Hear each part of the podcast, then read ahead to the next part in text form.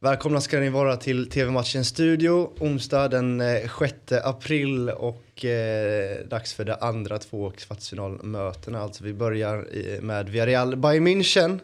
Eh, där det är lite skillnad på form eh, hos de båda lagen. Villarreal har torskat eh, de två senaste ligamatcherna mot eh, betydligt sämre motstånd om man får säga så. Ja, mot bottenlag mot helt bottenlag. enkelt. Låt oss vara tydliga. Mm.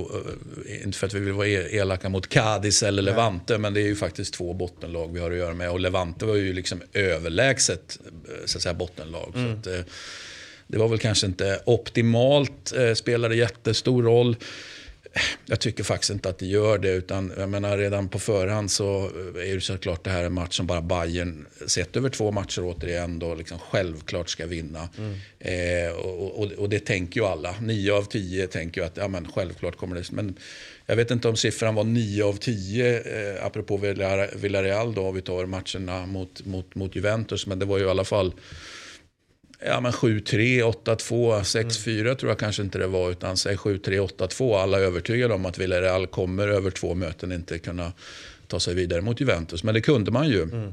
Så att, så att eh, med andra ord kan allting hända. Men här är ju Bayern ännu större favorit än vad, vad Juventus var. Det ska vi vara tydliga med. Så är det.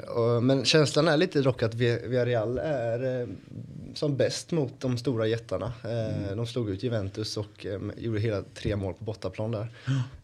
Så att, och börja hemma här, får de en bra start så, så kanske det kan ja, men, skrälla igen. ja, alltså det vore väl, alltså ingen alltså, önskar mer än jag att det ska skrälla igen. Det vore ju hur häftigt som helst. Mm. Jag menar, vi vill liksom inte bara ha de här ja, de självklart bästa bara bockar av och så, och så möts de i, i, i semifinal sen. Liksom. Det blir ju väldigt, väldigt tråkigt om det blir så. Så att mm. vi vill ju ha någon eh, skräll, eller, eller kanske flera skrällar till och med. Då.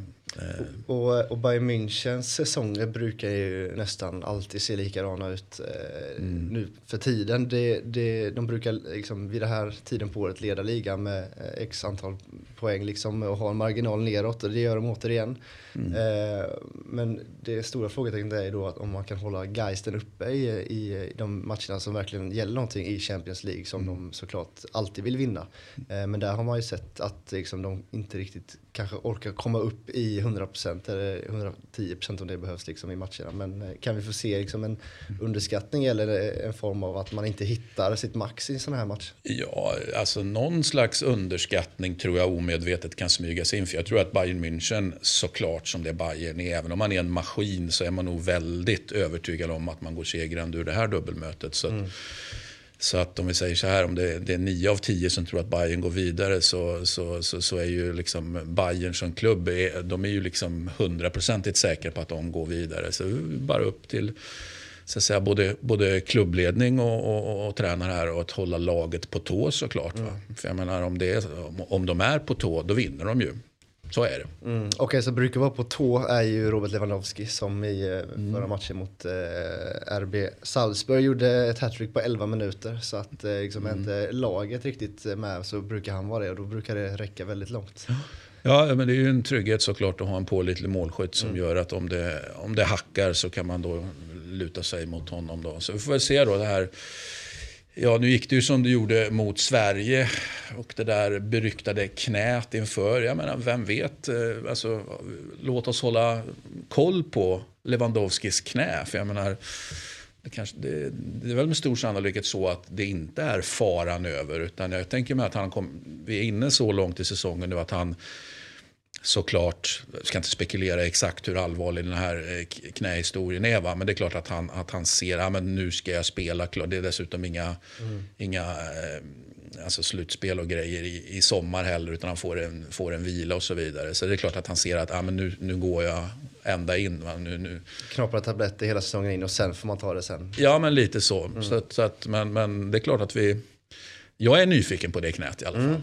Eh, och eh, om ni är det också så slå eh, på Simor eh, klockan 21 ikväll för att se den matchen alltså. Eh, den eh, sista kvartsfinalen, eh, Chelsea-Real Madrid. Eh, 21.00 också på Simor är ju eh, fjolårets eh, semifinal där Chelsea lyckades eh, gå vinnande ur den kampen. Men eh, tycker att det har hänt eh, lite väl mycket i Chelsea och eh, har mm. blivit mycket bättre i Real Madrid än för ett år sedan. Så att jag tror procenterna har vänt lite mm. i, liksom, i vilka som går vidare här. Vad, vad står du i?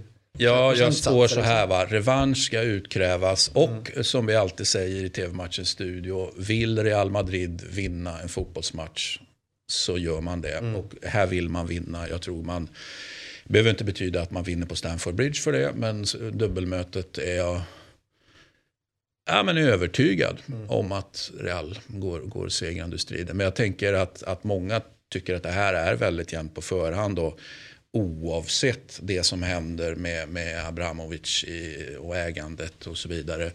Och oavsett, jag menar nu dippar man ju i, i, i ligan eller fix, sig en rejäl snyting mot, mot Brentford. Så att, eh, men jag drar inte så stora växlar på den grejen utan det, det, det är som det är. Liksom. Mm. Det, det, det kan de hantera, ska ja, kunna hantera. Precis, jag är ju Chelsea-supporter och kollar på den här Brentford-matchen och jag känner inte igen laget överhuvudtaget. Det var hönsgård i försvaret och de lyckades göra mål på allt de försökte med. Mm. Eh, men, så man undrar lite och då händer ju inte det en, alltså då händer ju inte det två matcher Nej, i rad. Så jag menar, då är det ju home free då, ja. eller Chelsea home free i, i det avseendet. Ja, men sen är man ju aldrig home free med när, när då, de här eh, stora elefanterna, men gamla elefanterna i, i Real Madrid ja. liksom ska dansa. Va? Man är, jag är svag för de gamla elefanterna. Champions League är, har ju liksom senaste åren liksom varit deras turnering att förlora på något sätt för att mm. de har så bra facit som de har eh, senaste åren. Eh, eh, Eh, men jag tror samtidigt att när lotten föll så var Chelsea nog det laget de